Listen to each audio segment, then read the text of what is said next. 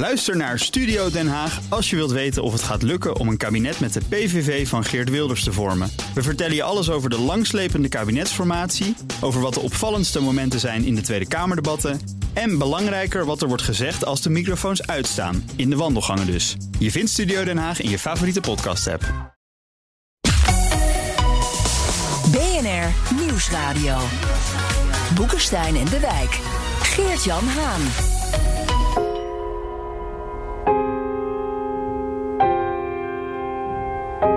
Het was een week waarin we ruzie maakten over vis en chips. En de naam van deze Russisch-Duitse pianiste uit Keulen is Olga. Olga Chips. Echt waar. Zij speelt het bij professor Boekenstein ongetwijfeld bekende nummer How Much is the Fish? Echt waar. Hugo Reitsma krijgt dat niet mee. Hij zit aan de Zeeuwse kust. Weer eens wat anders dan Amstelveen, Breda of Dordrecht. Zeeland, daar hebben ze tenminste vis. How much is the fish? We vragen het ons al tijden af. Maar wij willen vooral weten how much is the chips? En how many chips are out there? En hoe duur wordt de chips vanuit China betaald? Welkom bij Boekenstein en de Wijk. Op zoek naar de nieuwe wereldorde. Met hier in de studio de man die een derde wereldoorlog maar niks vindt zonder vis en chips. Arend Jan Boekenstein. En op afstand de man die aan alle stroomkabels trekt, Rob de Wijk.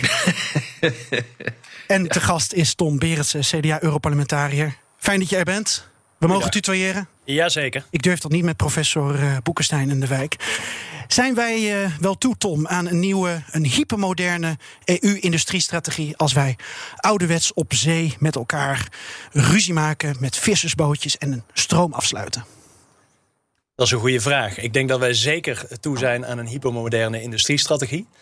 Uh, maar ik denk dat dat ruzie maken op zee zeker laat zien uh, waarom de Europese Unie belangrijk is en waarom we met z'n allen aan tafel moeten blijven zitten. Overigens moet ik wel zeggen dat met How much is the fish ik vooral denk aan scooter. Dat maar dat is wellicht een andere generatie. Dit nummer van Olga Chips is inderdaad een klassieke versie van het nummer van Scooter. Dus dat had je goed gehoord, maar dat is onze generatie inderdaad. Zeg, Europa is volgens velen nog altijd te afhankelijk van andere mogendheden. En als we het hebben over die EU-industriestrategie, hoe probeer je daar dan op in te spelen?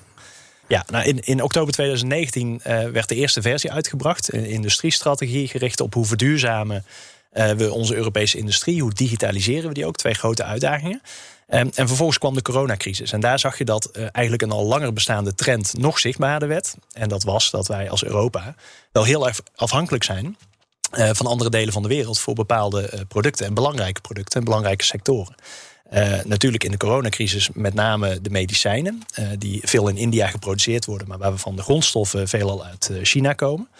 we zien dat natuurlijk nu ook in de chipsindustrie, de computerchips. VDL Netcar heeft productie stil moeten leggen omdat die chips niet komen. Zijn we enorm afhankelijk. Als Europa hebben we maar 3% van de markt daar. Uh, dus terecht dat daar ambities zijn om dat uh, te vergroten. Die afhankelijkheid is heel groot, dat is één. En ten tweede, uh, ja, de eerlijke concurrentie op de Europese markt is ook een, een belangrijk vraagstuk. want we zien daar gewoon concurrentie van Chinese bedrijven veelal met staatssteun gefinancierd. Ja, daar kunnen Europese bedrijven niet tegenop. Um, dus die industriestrategie probeert daar stappen te zetten. En wat zegt het dat er een industriestrategie in 2019 is gekomen en dat die nu alweer wordt ververst? Um, nou, ik denk sowieso dat 2019 erg laat was voor een Europese industriestrategie. Er is in het verleden wel het een en ander uh, geprobeerd, uh, maar is niet echt van de grond gekomen. Dus ik hoop dat er nu echt werk van gemaakt wordt. Um, en ik vind het niet vreemd dat die afhankelijkheid nu een belangrijke rol heeft gekregen. Omdat er partijen waren die dat daarvoor ook al zeiden: jongens, we zijn te afhankelijk. Uh, maar die coronacrisis echt heeft laten zien uh, aan heel veel mensen dat dat echt een probleem is en kan zijn en ook voor de toekomst. Uh, dus ik vind het niet. wat verder dan dat, hè? Het gaat nog wel wat verder dan dat, Tom. want als je dus die hele strategie leest, dat ik, althans de update ervan, wat ik overigens een buitengewoon goed stuk vind, is wel lastig te lezen hoor, als je er niet goed in zit, maar dat is zijde. Maar het gaat ook bijvoorbeeld om, laten we zeggen, het versterken van de interne markt. Want die COVID-crisis heeft natuurlijk wel één ding laten zien. En dat is dat nationale maatregelen de boel behoorlijk kunnen verstoren. Hè. Er zijn grensblokkades uh, geweest. Nou ja, dat zie je op, tot op dit moment nog, dat het vrije verkeer in ieder geval van mensen behoorlijk aan banden is uh, gelegd. Uh, het, het, is dus ook een, vraag van hoe je de Unie En al die landen die daar eh, van deel uitmaken, toekomstbestendig kunnen maken en crisisbestendig kunnen maken als er weer eens een keer zo'n soort crisis uitbreekt. Het eerste gedeelte van die strategie gaat er ook in belangrijke mate over. En daarna komt het pas over China. Ja, nee, dat, dat klopt helemaal. Hè. Dus, dus uh, de strategie is er echt op gericht. Hoe zorgen we ervoor dat wij uh, samen met onze Europese markt sterk staan in de wereld? Uh, en daar is dat ook een aspect van. Want we hebben inderdaad gezien dat ja, in, in de crisis Europa zo'n beetje uit elkaar dreigde te vallen. In ieder geval niet dat we elkaar versterken in het oplossen van die crisis. en het is terecht dat daar, dat daar nu naar gekeken wordt. ja, het is toch een wonder dat dat niet gebeurd is. Hè? Maar hoe verklaar je dat? Dat wat niet gebeurd is? Dat Europa niet uit elkaar is gevallen. Want dat zag er helemaal in het begin van de crisis niet best uit. Hè. Al die landen die namen hun eigen maatregelen, gingen hun eigen kant op. Uh, ook een bepaalde vorm van protectionisme. Het niet uh, willen exporteren van hun eigen medische hulpgoederen naar het buitenland. Uiteindelijk is dat allemaal wel gebeurd. Maar hoe, hoe verklaar je dat dat toch allemaal goed is gekomen? Is er een soort uh, uh, redelijkheid of een inzicht ontstaan waardoor uh, men zegt van ja, als we hiermee doorgaan, dan klapt de hele boel in elkaar, zijn we nog verder van huis. Wat is daar gebeurd? Ja. Nou, ik, ik moet eerlijk zeggen dat ik begrijp de eerste reactie van dit staat op het moment dat we in crisis belanden. Van, ja, hoe, hoe, lossen we dit zo snel mogelijk op voor onze eigen inwoners die daar nu direct last van hebben? Die begrijp ik volledig. Um, tegelijkertijd um, denk ik dat er, is, er kwam natuurlijk ook meteen een sterke roep van we moeten alles Europees doen heb ik soms ook wat twijfels bij, zeker op dit gebied. Omdat ja, uiteindelijk de coronacrisis gaat het erom dat we de maatregelen naleven. Nou ja, die maatregelen worden nu al met moeite nageleefd. Uh, als dat vanuit Brussel was opgelegd, uh, dan hadden we dat helemaal kunnen vergeten. Dus ik denk dat het goed is dat lidstaten daar zelf handelen. Tegelijkertijd uh, zie je wel het besef gedurende de crisis dat we uiteindelijk samen sterker staan dan alleen als je voor een markt van 450 miljoen mensen die vaccins inkoopt, eh, dan sta je wel wat sterker in de onderhandelingen dan als je dat als individuele landen doet.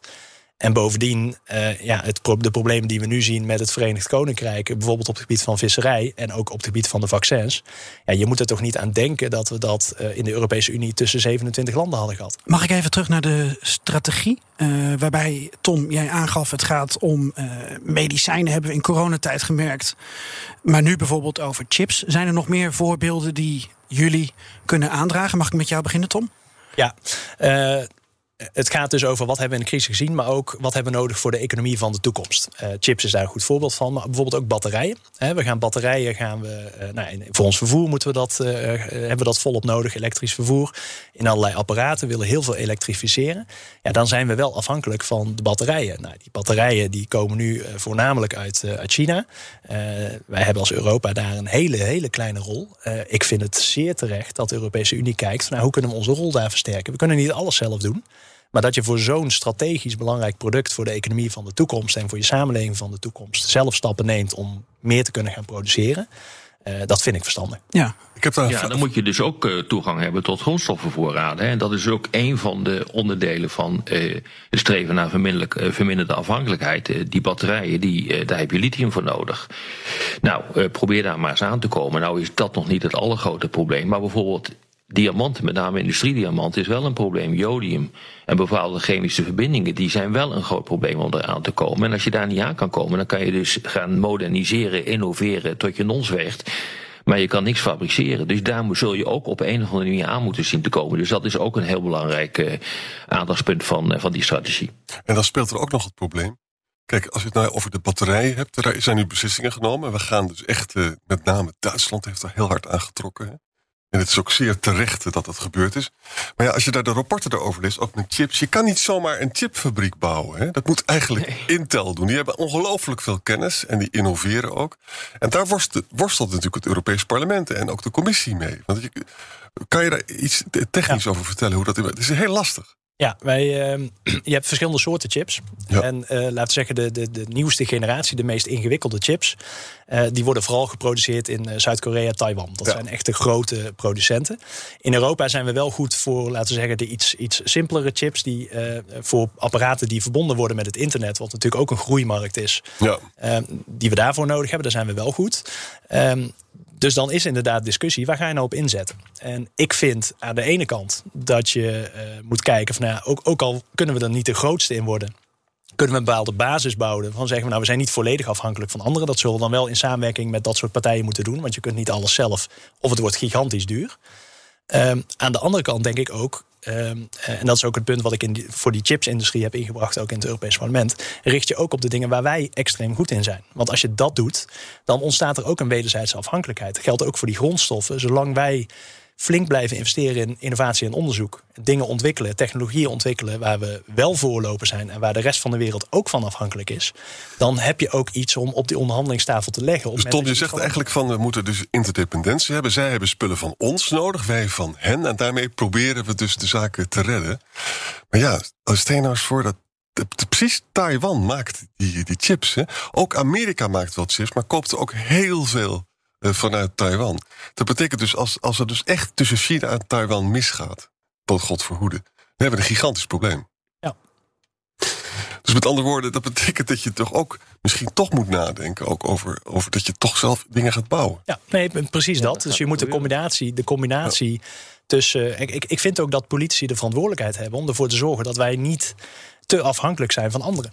En ook al zijn anderen heel goed in dingen, ja, als wij het heel hard nodig hebben, eh, dan wil je daar niet het risico lopen dat je zonder komt te zitten. Dus dat betekent ook voor dat soort chips dat je moet kijken welke productiefaciliteiten kunnen we in Europa gaan bouwen. Ik vind dat de eurocommissaris Thierry Breton, die uit het bedrijfsleven komt, ja. ja daar heel voortvarend in, uh, in is. Die ja, slaat met zijn vuist op tafel en legt bij het bedrijfsleven neer: jongens, wat gaan jullie doen? Fransman, hè? Hij komt van Atos, dus hij weet wel hoe de hazen lopen. Ja, ja. absoluut. En, en ja, ik kijk daar wel met uh, bewondering naar. Ik vind het in ieder geval goed dat er ook zo'n eurocommissaris uh, rondloopt. Um, want de discussie in Europa is natuurlijk altijd van ja, um, uh, open markt versus uh, beschermen. Ja. Uh, en ik denk, ja, open markt prima. Partijen zijn hier welkom, maar wel onder onze voorwaarden. En daar vind ik dat met de industriestrategie en met het pakket van buitenlandse investeringen Europa echt wel een aantal stappen zet. Hey, ASML maakt de machines die chips maken. Hè? En die weigert om diezelfde chips mee te maken. Die wordt dus gewoon heel rijk en die verkoopt, wil dat ook aan China voorkomen. Dat ligt dan bij buitenlandse zaken. Hè? Kunnen we niet aan ASML vragen, kunnen we er niet twee kopen... en dan poepen we gewoon die chips uit? Nou, ASML zit ook in Europa in ieder geval aan tafel om mee te denken over die, over die strategie. Maar ASML is natuurlijk wel een heel goed voorbeeld hè, van, van ook die wederzijdse afhankelijkheid. Want die machines die willen ze heel graag hebben in China en overal ter wereld. Um, dus dat betekent dat je daar een, een, mooi iets hebt om op de onderhandelingstafel te leggen. Datzelfde geldt, vind ik, voor de zaadveredelingsbedrijven. Alhoewel we daar echt moeten uitkijken, omdat China en de Verenigde Staten flink aan het investeren zijn. Medische apparatuur van Philips. Dus we hebben ook in Nederland hebben echt al een aantal zaken waar de rest van de wereld met bewondering naar kijkt. Uh, en daar moeten we dus in blijven investeren, uh, zodat die nou, wederzijds. Het is goed dat je dat zegt, uh, Ton. en dat is eigenlijk feitelijk ook wat uh, Arend Jan net zei. Dat heeft te maken met die interdependentie. wat ik mis in dit stuk is precies deze notie.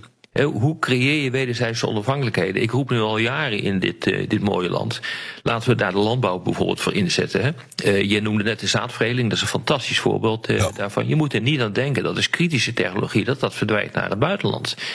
maar er zijn veel meer andere vormen van in de agrofoodsector die je daarvoor kan gebruiken. En dat heeft groot te maken met het feit uh, dat China een structureel probleem heeft om zijn eigen bevolking te voeden. Dat kunnen ze niet met de beschikbare landbouwgronden. Uh, dus je kunt het aanwenden. Alleen dan, dat betekent dus ook dat wij ook in Nederland veel strategischer moeten gaan, uh, gaan nadenken. En niet alles maar bijvoorbeeld landbouw verengen tot, uh, tot uitstoot van CO2. Dat is natuurlijk belangrijk, dat wil ik niet ontkennen. Maar er is veel meer dan, dan dat. Maar wij, wij zijn dus niet bereid om te denken in, in het creëren van onafhankelijkheden om daar eigenlijk machtspolitiek mee uh, te, te bedrijven. En ik moet zeggen, ik heb dat die, die strategie goed gelezen, ook alle onderliggende stukken. Uh, dat ontbreekt erin. Tom Berendsen, ik begrijp dat jij je ook zorgen maakt om een keuringsbedrijf voor plezierjachten in Jouren. Dat uh, gaat een beetje verder weg van de landbouw waar we het over hebben. Maar je hebt het wel, denk ik, over machtspolitiek. Ja, ik, ik zeker als je kijkt naar, als we het over China hebben. Want China wordt natuurlijk nergens genoemd uh, in, in de stukken uh, van de Europese Unie. Maar het gaat natuurlijk vaak over de concurrentie met China. Zeker als het om, om staatssteun gaat. China denkt decennia vooruit. Hè? En, en, en in de, in Europese en Nederlandse politiek mogen we blij zijn als er een jaar vooruit gekeken wordt soms. zij denken echt strategisch na. Je bent wel heel cynisch over je eigen nou, ik, collega's. In, in dit geval re realistisch ten opzichte van hoe China in ieder geval naar de wereld uh, kijkt. Dat zijn lange termijn plannen. En, en, daar zijn een aantal voorbeelden van waarvan ik in Europa echt van mijn stoel val. Dat, dat wij dat toelaten in Europa. Ik, ik, ik heb er twee. Laat ik beginnen met de grote. En dan kom ik zo dadelijk op jou. Op de bootjes. Op, op jou en mijn plezierjachten, laten we het zo. Ik heb ze niet. Uh, Misschien Rob en ik, ik ook dat niet. weet ik niet. Nee. Ik heb een 20. Uh, Russisch geld, hè? Dat is voor ons. er, zijn, er zijn twee voorbeelden. De ene is uh, het Chinese bedrijf Nuctec. Uh, staatsgecontroleerd.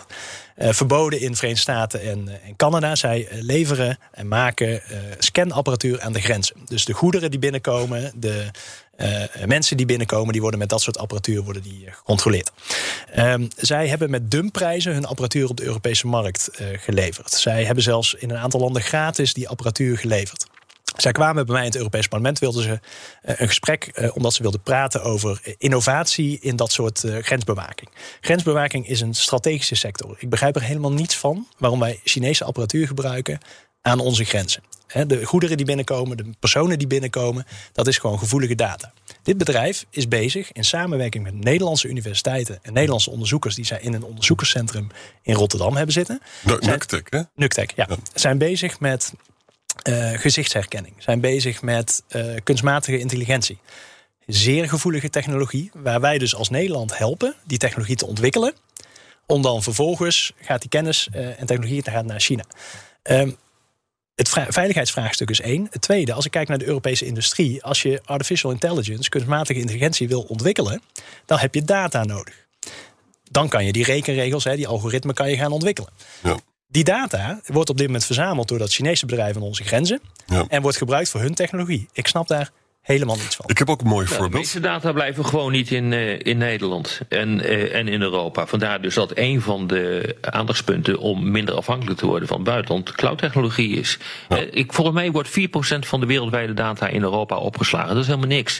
Ja, dat je ervan uitgaat, en dat is inderdaad toch een heel goed punt, dat data de nieuwe grondstof zijn, is waar je nieuwe producten van kan maken. En dan worden dus data worden vergelijkbaar met, met ijzererts of met, met bauxiet of met olie of met gas. En uh, dat realiseren veel mensen zich niet. Maar daar maak je nieuwe producten van. Uh, en uh, als je dus toestaat dat al die data naar het buitenland verdwijnen, dan worden daar de producten ervan gemaakt. Nou, ook dat, die discussie wordt gewoon ook niet gevoerd in Nederland. Vind ik ook heel opmerkelijk. BNR Nieuwsradio. Boekenstein en de Wijk. Op zoek naar de nieuwe wereldorde Boekenstein en De Wijk. En dat programma is natuurlijk niet zonder Arend-Jan en Rob De Wijk. Mijn naam is Geert-Jan Haan en onze gast is Tom Berendsen, Europarlementariër namens het CDA. En we hebben het over de nieuwe industriestrategie gepresenteerd door de Europese Commissie. Arend-Jan. Ja, als mensen nog naïef mochten zijn over China, dan heb ik een mooie anekdote voor ze. Uh, Orbán in Hongarije gaat nu een, met 1,6 miljard lening met China gaat hij een enorme universiteit bouwen. Moet hij in 15 jaar terugbetalen. Dat Chinese bedrijf dat dat gaat bouwen, heeft in Addis Ababa de gebouw voor de Afrika, Afrikaanse Unie uh, gemaakt. Nou, toen het gebouw af was, zat het helemaal barstvol met geheime camera's en microfoons. Oké. Okay. Ik bedoel, dit is dus gewoon, dit is gewoon Europa. Het gaat daar gebeuren. Hè? Dus we moeten toch wel echt uh, eventjes uh, verstandig opereren. Ja, ik, ik, ik ben het daar helemaal mee eens. Ik heb aan de Europese Commissie gevraagd: geef mij nou eens een overzicht van zeg maar, alle fondsen die wij in Europa inzetten uh, om, voor ontwikkeling. Hè, in infrastructuur, in projecten, et cetera. Uh, en, en, wat de eindaannemer van dat, uh, van dat fonds was. Hè, en komen die uit de Europese Unie of komen die van buiten de Europese Unie? Oftewel, hoeveel geld gaat er uiteindelijk naar Chinese investeerders, Chinese aannemers om dingen te bouwen? Het woord China staat toch ook niet in die strategie eigenlijk? Dat het, wordt toch niet genoemd bij naam? Het, het wordt niet genoemd bij naam. Het, het, staat wel in de analyse die eronder ligt. Namelijk van wie zijn wij afhankelijk op welke gebieden. Ja. Op welke technologieën lopen wij voor. En op welke technologieën lopen wij, lopen wij achter. Dus dat staat er, staat er wel in. Um, maar China is met name op de Europese markt gewoon een hele belangrijke. Met de nieuwe zijderoute. Uh, met uh, de investeringen die zij doen. Met zo'n voorbeeld als uh, Nuctec. Um, ja, wij moeten daar gewoon niet naïef in zijn. En ik denk dat we dat veel te Nee, lang geweest het zijn. staat er natuurlijk wel in, hè? Het staat er natuurlijk wel in. Want er staat in dat voor 52% wij afhankelijk zijn uh, van onze kritische spullen van China. En dan komen landen als Vietnam en, uh, en Brazilië. Dus er staat er wel in. Het, het is gewoon ontzettend veel. Dat is het hele probleem. Maar je noemde Ton uh, net die fondsen. ik meen me te herinneren dat er een herstelfonds is afgesproken van 750 miljard. Waarvoor internationaal wordt geleend. Dat kun je hier gewoon aan koppelen om ervoor te zorgen dat je niet alleen groener, wordt, maar ook onafhankelijker wordt. in, hoeverre, in hoeverre speelt dat eigenlijk, die hele discussie? Ja, dat is een hele terechte opmerking. Ehm, die discussie speelt. Uh, bijvoorbeeld als je kijkt naar die plannen rond industriële allianties. Hè, die alliantie op het gebied van batterijen produceren, chips produceren. Maar bijvoorbeeld ook zo'n Europese clouddienst die de heer De Wijk net, eh, net noemde. Heel belangrijk. In de Verenigde Staten is de data van bedrijven, in China van de staat. We hebben heel veel data in Europa, maar we moeten dat verzamelen en we moeten dat op een bepaalde manier kunnen delen zoals we het gebruiken. Zet daar dus voor de landen die dat willen, op het moment dat je partijen hebt die aan zo'n alliantie willen meewerken, eh, zet daar ook dat herstelfonds achter. Ja. Het herstelfonds is. Gaat Nederland daar niet in mee? Ik bedoel, kom gewoon met een project voor, die, voor dat herstelfonds. We hebben gewoon. Uh, we hebben het niet gedaan. Zoveel miljard. We hebben niet gedaan. Ik vind dat werkelijk onvoorstelbaar. Ik bedoel, het valt toch makkelijk uh, aan het publiek uit te leggen dat je dit moet doen. En ook politiek moet je daar toch gewoon draagvlak voor krijgen. Of ben ik nou gek? Nee, ik, ik, ik ben het daarmee eens. Ik snap wel waarom er enige vertraging is gekomen. Hè? Want Nederland heeft natuurlijk als een van de partijen in Europa aan de onderhandelingstafel afgedwongen dat er hervormingen moeten plaatsvinden om dat geld te kunnen krijgen. En het geld mag alleen naar activiteiten die de economie echt versterken. Nou, ik denk dat dat twee hele belangrijke aspecten zijn. Zo komen we in Europa echt verder. Ja, en in Nederland heb je het dan over de hervormingen zoals hypotheekrenteaftrek, positie van ZZP'ers, handen aan het bed in de zorg, eh, witwassen tegengaan, et cetera. En ik snap wel dat je bepaalde beslissingen daarover aan een nieuw kabinet overlaat. Maar dat nieuw kabinet moet er snel komen. Tom, dus Nederland, dus Nederland is gewoon in zijn eigen zwaard uh, gevallen met een opgeheven vingertje. En het is het enige land dat geen plan heeft ingediend. En Frankrijk en Duitsland hebben het samen gedaan. We slaan echt zo'n slecht figuur. Nee, we moeten, moeten, echt, moeten echt aan de slag daarmee. Uh, Dus ik, ik snap waarom het vertraagd is. Maar we moeten nu heel snel aan de bak om ervoor te zorgen maar dat dat geld niet technisch, op Tom, want uh, dit, dit is niet onbelangrijk. Die 750 miljard, het herstelfonds, wat in, in, in de praktijk nog veel meer gaat worden. Moet dat geratificeerd worden door de parlementen?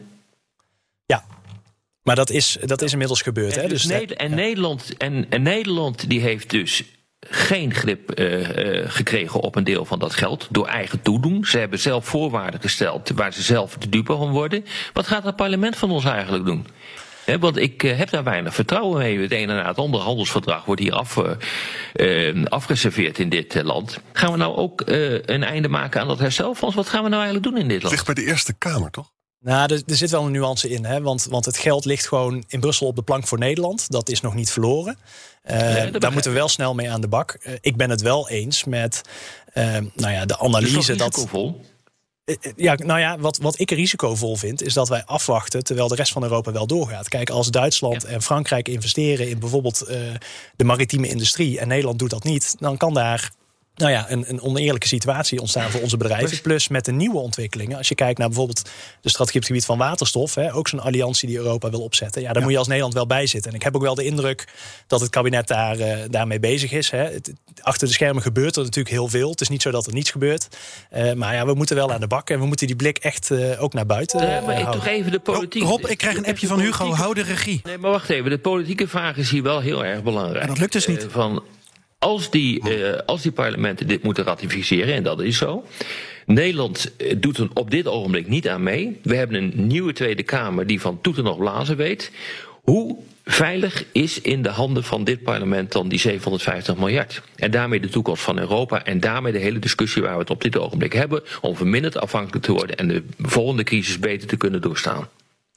Nou, ik, ik denk dat er aan de voorkant al veel goede dingen geregeld zijn in dat herstelfonds. Ook door toedoen van Nederland, namelijk die hervormingen en die uh, goede investeringen in de economie om de economie te versterken. Uh, vervolgens gaat het nu over hoe gaat Nederland dat geld gebruiken wat voor ons op de plank ligt. Daar nee, hebben we nog... Hoe gaat Nederland ratificeren? Dat is de vraag. En die ratificatie wordt alleen maar moeilijker uh, als Nederland geen geld op dit ogenblik krijgt omdat er geen projecten zijn ingevuld in, in Brussel. En het ligt bij de Eerste Kamer. CDA en VVD zijn zeer Euro Europa-kritisch geweest. Ook omzicht op dit punt. Hè. Met andere woorden, het kan zomaar gillend misgaan. En als dat gebeurt, ja. dan, dan, slaan we echt... Het is echt een ramp, is dat gewoon. Ik vind het wel Ja, fijn om met een, eh, een wat negatievere toon eh, het radiogedeelte af te ronden. Eh, en dan gaan we in de podcast door met luistersvragen. En natuurlijk met de vraag: hoe zit het met die 20 jachten van Arend Jan? En waarom de Chinezen daar vat op lijken te, te hebben Kan dat niet het geheime deel van, van de podcast? We hebben ook een geheim deel. Een achterdeurtje. Ja. maar daar luisteren de Russen mee. en luistert u op de radio, dan verwijs ik dus naar Apple Podcasts, Spotify of jullie hebben een eigen website, boekensteinendewijk.nl. Ja, we zijn zo bekend, jongen. Eh, wat wil je, Tom? Eerst de plezierjachten of eerst een vraag van Ruud Tax? Nou, ik, ik weet niet hoe lang jij die cliffhanger van over die plezierjachten nog wil gebruiken. Dus dat, eh, Ja, ik ben bang dat het een hele natte wind is. Ik weet niet hoe je dat eh, op een andere manier zegt, maar vertel. Nou, kijk, wat, dat Nuctec-verhaal is, is heel duidelijk, heel groot. Maar het gebeurt ook veel kleiner. En er is in, in Jouren, in Friesland, zit een keuringsinstantie voor plezierjachten. Dus als jij als producent jouw plezierjacht op de markt wil brengen... dan moet dat goedgekeurd worden voor de Europese markt. En dat doet de overheid niet. Dat doen daarvoor gecertificeerde keuringsinstanties. Ehm, die keuringsinstantie is overgenomen door een Chinees bedrijf. Dat betekent dat als ik als Europese producent mijn plezierjacht op de markt wil brengen... en al mijn technische informatie over dat jacht op tafel moet leggen dat ik dat nu doe bij een bedrijf wat in Chinese handen is. Ik vind dat onbegrijpelijk, echt onbegrijpelijk, dat wij het toelaten in Europa dat dat soort keuringsinstanties overgenomen worden. Of dat als zo'n bedrijf overgenomen wordt, dat zij nog steeds gecertificeerd zijn om te keuren. Dat haakt ook een beetje aan op het feit dat eh, China, en volgens mij is dat ook een van de punten die, die de heer De Wijk ook de afgelopen weken heeft gezegd. Europa is natuurlijk heel sterk op de wereld omdat wij de standaarden zetten. Maar dit is ook een manier van China om eh, een stoel, eh, sowieso die informatie te krijgen over die, eh, eh, over die schepen, maar ook een stoel te krijgen aan het meewerken aan welke standaarden wij in Europa zetten. Dit gebeurt heel erg onder de radar, maar China is zelfs met dit soort kleine strategische zetjes bezig om nou ja, naar dat grote doel eh, toe te werken. En dat is ja, de, de wereldheerschappij in 2049 volgens mij. Ja. Nee, maar dat klopt. En dat zie je dus ook in de industriestrategie. Daar wordt ook het een en ander gezegd over de hele standaardisering. Met name op het gebied van service, op het gebied van diensten. Gezondheid, klimaat en dat soort eh, zaken. Eh, ja, een zeer klein gedeelte van de standaarden die worden nu door de Europese Unie bepaald. En dat moet dus, eh, ja, dat moet dus meer worden. Hier nog één opmerking erbij, Tom. Gebruiken eigenlijk interdependentie gebruiken we om oorlog te voorkomen. Hè? Dat is de oude democratic peace theory. Hè? En ook het idee van dat je dus als je handel met elkaar eh, drijft, dan eh, heb je geen eh, baat bij oorlog. En dat geldt ook voor vis. En dat geldt ook voor vis. Oké, ik wou het toch even checken. Ja, en dat betekent dus, dat heeft de Eerste Wereldoorlog overigens niet voorkomen, maar het is een ongelooflijk belangrijk instrument. En de nou, annexatie van de Krim ook niet. Nee, ja, dat zou- ook niet. Maar moet je nou eens luisteren. Stel je nou eens voor dat, dat we naar een wereld toe gaan... waarbij we allemaal dus autarkischer worden. Want eigenlijk wil je dat. Je wil dus minder afhankelijk worden van China. Dan ontbeer je dus die prikkel eh, tot samenwerking. Hè? Autarkie maakt oorlog makkelijker. Dat is wel een probleem. Ja, maar dat kan helemaal niet, want je moet aan grondstoffen komen. En ik kan je melden dat er heel erg weinig te vinden is in, eh, in Europa. Eh, dat, zelfs, dat, zelfs, dat geldt zelfs voor gas. We hebben net de gaskraan naar Groningen dichtgedraaid. Dus dat hebben we gewoon niet meer. Dus die onafhankelijkheid. Eh, of die afhankelijkheden van het buitenland blijven gewoon. Dat is een, dat is een feit. En op het moment dat eh, eh, we gaan vergroenen, dan zal je zien dat de meeste groene technologie uit China komt. En dan worden we nog afhankelijker van China. Exact. Nou, probeer daar maar eens uit te komen. Nou, en bovendien denk ik dat het niet is autarkisch worden. Maar ik vind het wel heel verstandig dat wij een analyse maken. Waar zijn we kwetsbaar? Ja, Wat zouden we ook. eventueel zelf beter kunnen doen? Ja. Eh, en daar waar we het niet kunnen, hoe zorgen we ervoor dat we een strategie hebben... om ervoor te zorgen dat, eh, Nou ja, dat we die spullen wel blijven krijgen? Maar China heeft niet alle rare earth. Je kan dus ook alternatieven zoeken. En, en ze zijn ook bezig met fundamenteel onderzoek... om andere dingen, alternatieven daarvoor te vinden. Ja. Dat zou aangenaam zijn. Ja, ik stel een, eh, een, een, als het mag, een, een, een vraag van Imme Duits er gelijk bij. eh, via Twitter binnengekomen. Trouwe luisteraar in het Duits. Hoe radicaal moeten we zijn in het verminderen van onze import uit China, Tom? Dat ligt eraan wat je importeert. Ik denk dat wij. eh, En dan hoe ook- autarkisch we willen zijn. Ja, kijk, hoe, hoe dan ook hou je een relatie met China waarbij eh, een hoop spullen, maar ook grondstoffen, maar ook consumentenartikelen, et cetera, vanuit China halen. Mijn punt is vooral, als wij kijken naar de economie van de toekomst, eh, batterijen. Een mooi voorbeeld, elektrische bussen. Hè. We hebben een situatie in Overijssel gehad, waar uiteindelijk nu Chinese bussen rondrijden. Ja. Ehm, ik begrijp niet waarom wij met belastinggeld in een groeimarkt, want elektrische bussen is een groeimarkt, hè, we gaan er meer van gebruiken in de toekomst. Als wij dat soort opdrachten aan Chinese bedrijven geven, ja, dan gaat de Europese industrie niet groeien. Dat weten we zeker. Dus ik zeg, kijk daar eh, waar je minder afhankelijk kan worden, wordt daar minder afhankelijk. Heb daar een strategie voor. Zorg dat je investeert in wederzijdse afhankelijkheden. Dus waar zijn wij koploper waar de rest van de wereld op zit te wachten. Maar kijk ook kritisch naar waar zitten de groeimarkten, de banen van de toekomst in de Europese Unie. Ja. En zeker bij publieke aanbestedingen. Zorg ervoor dat je iets meer ruimte krijgt om dat aan Europese bedrijven te gunnen. Eh, en niet altijd het beste jongetje van de klas te willen zijn en die opdrachten belanden in China. Ja, en dan denk Maar, ik... maar het, probleem is, het probleem is ook wel overzichtelijk. Hè? Eh, Er zijn 5200 producten in kaart gebracht die Europa invoert. En daarvan is gekeken van, nou, hoe eh, belangrijk zijn die en hoe essentieel zijn die.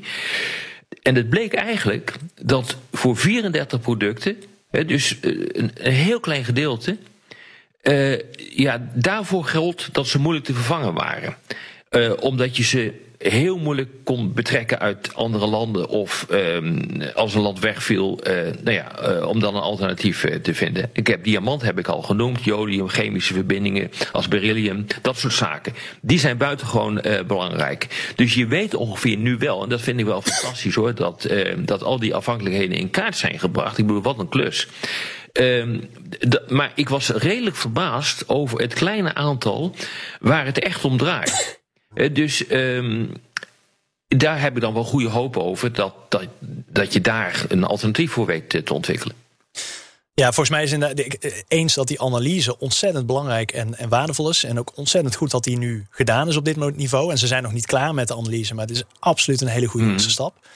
Die 34 producten, daarvoor wordt eigenlijk gezegd van nou, dat, dat, dat, dat kunnen we eigenlijk onmogelijk vervangen. Dus daar zullen we ook echt afhankelijk eh, blijven als we ja, daar geen oplossing voor vinden. Maar die oplossingen zijn moeilijk. Een iets grotere categorie van 140 producten zijn we flink afhankelijk. Hebben we hard nodig voor de economie van de toekomst Ja. en onze samenleving. Dus daar moeten we ook echt een strategie op, eh, op vinden. Maar het klopt dat ja, voor- natuurlijk voor het overgrote gedeelte van de producten, eh, ja, daar, daar, daar zijn best oplossingen voor te vinden. Arend Jan, Ja, ik heb een... eh, op, hoor. ja, ik heb een vraag eh, van Bobby Jagernat. Is dat ook een trouwe luisteraar? Ja, zeer. Die heeft ook een medaille verdiend. Die is al zes jaar een luisteraar.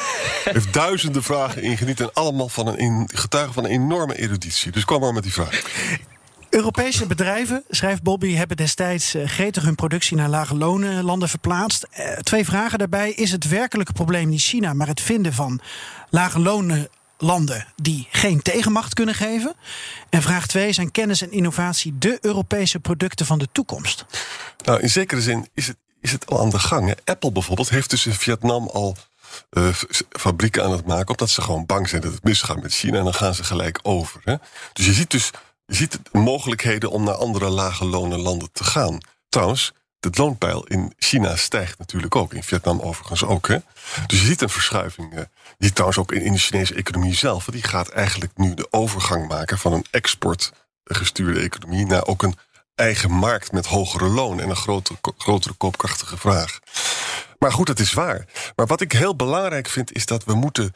eh, behalve dat we dus allemaal moeten nadenken over dat we alternatieven hebben, we moeten vooral ook interdependent blijven. En daarmee dus onderhandelen. Wilt u van mij wat veredeld zaad? Dat klinkt bijna pornografisch. En daar willen wij graag rare earth voor terug. Hè. Maar daar moeten we vooral mee doorgaan, omdat je daarmee wel echt oorlog kan voorkomen. En dat Maar ja, kennis en innovatie zijn niet Ja. de producten. De kennis en innovatie zijn de basis om producten te kunnen maken. Dat is wat anders. Eh, zonder kennis en innovatie is het continent gedoemd. Ja. En wordt het een, eh, een, een, een gezellig openluchtmuseum eh, waar je zeg maar onder de voet wordt gelopen door eh, toeristen met rolkoffers. Eh, Amsterdam in het kwadraat. En er is verschrikkelijk veel moois te zien in Europa, maar dan blijf je gewoon eh, ja, een openluchtmuseum. Dus je zult moeten gaan investeren in kennis en innovatie. En dat hebben we eigenlijk hebben we dat verwaarloosd. Omdat kennis en informatie in, in zeer belangrijke mate een zaak van landen is. Hè. We hebben in het begin van deze eeuw het Lissabon-project. eh, Lissabon-strategie, of hoe je het ook noemt, hebben we geprobeerd om dat te doen. Om van eh, Europa de meest eh, concurrerende, meest innovatieve economie van de wereld eh, te maken. Dat is gewoon mislukt, omdat de landen niet meegingen. Ja. Ja, ik, ik zie daar wel eens, maar ik zie daar wel stappen gezet worden hoor. Want eh, we hebben klopt. vorige week hebben we eh, het Horizon Europe, het onderzoeksprogramma, goedgekeurd, bijna 100 miljard. Ehm, die, Ja. die industriële allianties die hè, door, door Eurocommissaris Breton eh, worden gestimuleerd. Dus hoe zet je nou kennisinstellingen, bedrijven, overheden bij elkaar om op bepaalde thema's echt vooruitgang te boeken? Nou ja, als ik daar zie dat uh, batterijen en chips noemen we al, maar bijvoorbeeld ook duurzaam vliegen. Hè, het eerste klimaatneutraal ja. vliegtuig bouwen op waterstof. Ja, dan zeg ik dat zijn wel thema's waar we flink in moeten investeren. En daar komt dan ook ja, Europese financiële kracht en samenwerking. Wordt daar wel achter gezet? Uh, volstrekt mee eens. Maar kijk, ik, jij bent politicus, wij niet. Ehm, maar we proberen het allemaal uit te leggen, ook naar een brede publiek toe. Dit is ongelooflijk complex. Als jij dus, ik denk dat weinig mensen die uh, in de industriestrategie lezen. Laat staan de onderliggende stukken uh, waarin bijvoorbeeld de analyses worden gemaakt van uh, de afhankelijkheden en de onafhankelijkheden van het, van het buitenland. dit zijn discussies die stijgen, overstijgen even het niveau van, laten we zeggen, uitstoot van CO2, wat iedereen nog wel begrijpt. Maar hoe ben je nou in staat om dit soort discussies echt voor het voetlicht te brengen en duidelijk te maken wat hier aan de hand is en hoe complex dit is, maar wat de effecten hiervan zijn? Hoe, hoe kan je dat nou doen? En plus ook het punt van we moeten, we moeten dus minder geld naar boeren. Het kan niet anders. En meer geld naar innovatie. En daar zien we dus. Maar even afgezien daarvan. Afgezien, van de boeren en de vissers. Dat nog, dat nog wel begrijpen, ja. Oké, nou, nou, ja, maar dat ligt dus vast. Hè? En, en het CDA en het VVD zijn daar, hebben dat altijd gesteund. We vragen het aan Tom Berendsen, want hij is CDA-Europarlementariër? Nou, ik, in de uitleg denk ik dat de actualiteit ontzettend helpt. Hè? Uh, we hebben gezien mhm. in de coronacrisis de medische hulpmiddelen, de mondkapjes, de medicijnen, noem het maar op. We komen uit het buitenland, we zijn te afhankelijk. Uh, nu zien we dat bij, bij de chipsindustrie. Hè? De volop verhalen in de media dat er tekorten zijn, dat de fabrieken stil liggen, et cetera. Uh, die actualiteit helpt ons met de uitleg. Luister, we zijn voor bepaalde gebieden te afhankelijk aantal dingen zijn voor ons zo belangrijk dat we daar niet afhankelijk willen zijn. En we willen ervoor zorgen dat de banen van de toekomst in de Europese Unie blijven. Dus zullen we moeten investeren in een aantal van die nieuwe uh, groeisectoren. Ik denk dat dat heel belangrijk is. Uh, discussie over ja, waar moet het geld dan heen? Ja, denk ik inderdaad dat kennis en innovatie een veel belangrijke rol moet krijgen in de Europese Unie. Maar het is niet of-of. Als je het hebt over de landbouw, dat is juist een sector waar wij met kennis en innovatie echt een wereldspeler zijn als Nederland, maar ook als Europese Unie. Uh, dus uh, zie dat niet alleen als uh, geld naar de boeren en er gebeurt niks mee. Nee, dat geld wordt ingezet en moet steeds meer ingezet worden om ervoor te zorgen dat we daar nieuwe technieken toepassen, dat we gewassen beter bestand maken tegen klimaatverandering, dat er meer opbrengst is per hectare. Weet je, maar het is de tuinbouw dat zonder subsidie de wereld verovert. Maar wat we gedaan hebben met de klassieke boeren. We hebben nu een milieuprobleem vanwege de stikstof. Maar ik had zo graag 30 jaar geleden al een, een andere mix gezien. We moeten gewoon innovatie. Eh, en dat hebben de Chinezen. Nou ja, dat doen gebeurt ook wel, Arend Jan. Want oh. een van die industriële ecosystemen waar uh, Tom het ook over heeft, dat zijn die 18 uh, eh, belangrijke industriële ecosystemen uh, die we hebben, variërend van digitale industrieën. Eh, tot, uh, tot uh, energieafhankelijke industrieën. daar zit ook agri-food in. dus landbouw zit daarin. En als je de onderliggende stukken daarvan leest, dan zie je dat er wel degelijk enorm geïnnoveerd wordt. En Nederland loopt daarin voor. Ik bedoel, dat, dat, vergeten we iedere keer wel in die discussies die we hebben. Ja. maar, maar, die sector krijgt geen, geen geld van Europa. Die is gewoon fantastisch. Maar die krijgt geen geld. De andere sectoren krijgen geld. En daar, daar heb ik een probleem. Oké, nog even terug naar de luisteraars. Uh, die mogen we niet vergeten in dit gedeelte van de podcast. Ruud Tax die stelt een vraag die volgens mij dan grotendeels nu is beantwoord. Namelijk, zijn we binnen de EU ervan uitgaande dat we meer zelfvoorzienend willen zijn? Niet afhankelijk van enkele economieën waar nog daadwerkelijk in grote volumes wordt geproduceerd. Kunnen we het nog? En hij sluit af met Hupnak. Dat is waarschijnlijk voor jou, Tom, omdat je uit Breda komt. Altijd goed. Ja, maar goed. Ik heb de rest van de vragen niet meer gehoord. Nee, en... Prima, volgens mij hebben we hem beantwoord. Want ik wil uh, Rob nog een vraag van Koen B. voorleggen. Um, Zijn we ook niet afhankelijk van India qua productie van de vaccins en van de uh, ja. VS, waar het overgrote deel van de patenten liggen? Um, moet je dat ook niet meenemen in dit verhaal? Nou, we zijn niet afhankelijk van de vaccins die uit India komen, want die kunnen we heel goed uh, hier zelf maken. We zijn wel afhankelijk van India voor grondstoffen voor medicijnen.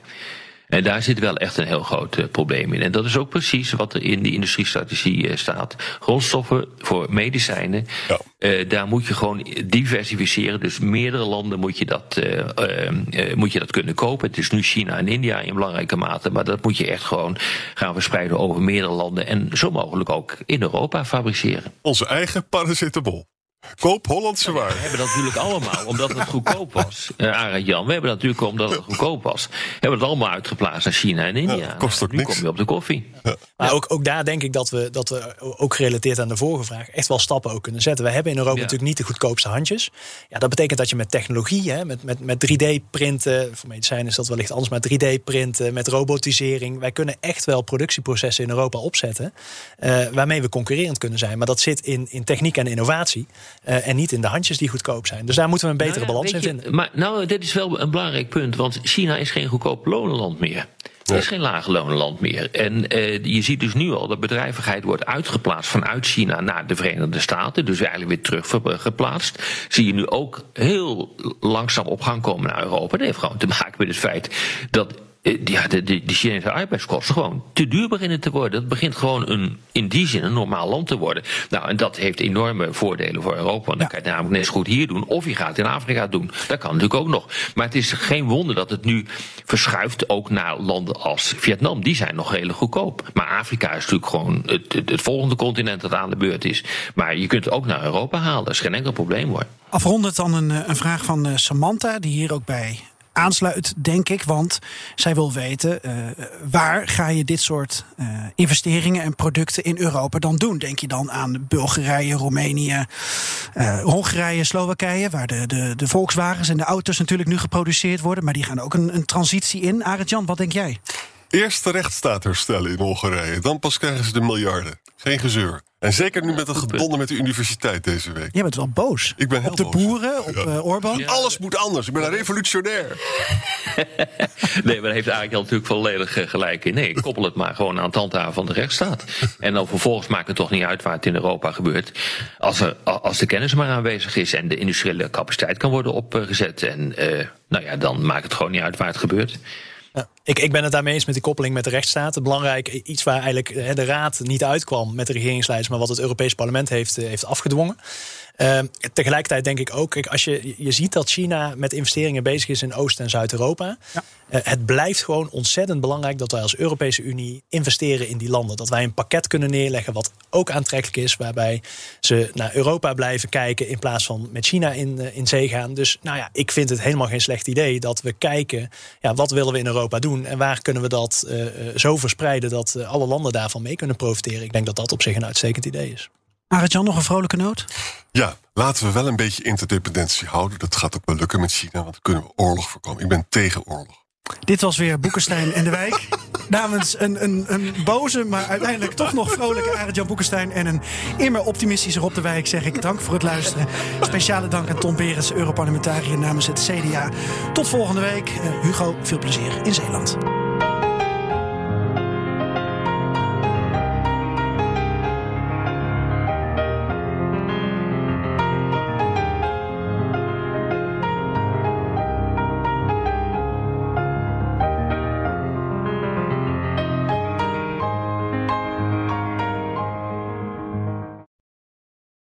Ook Hugo Reitsma vind je in de BNR-app. Superhandig die BNR-app. Je kunt alle programma's live luisteren, breaking nieuwsmeldingen. Je blijft op de hoogte van het laatste zakelijke nieuws. En je vindt er alle BNR-podcasts, waaronder natuurlijk de belangrijkste, Boekenstein en de Wijk. Download nu de gratis BNR-app en blijf scherp.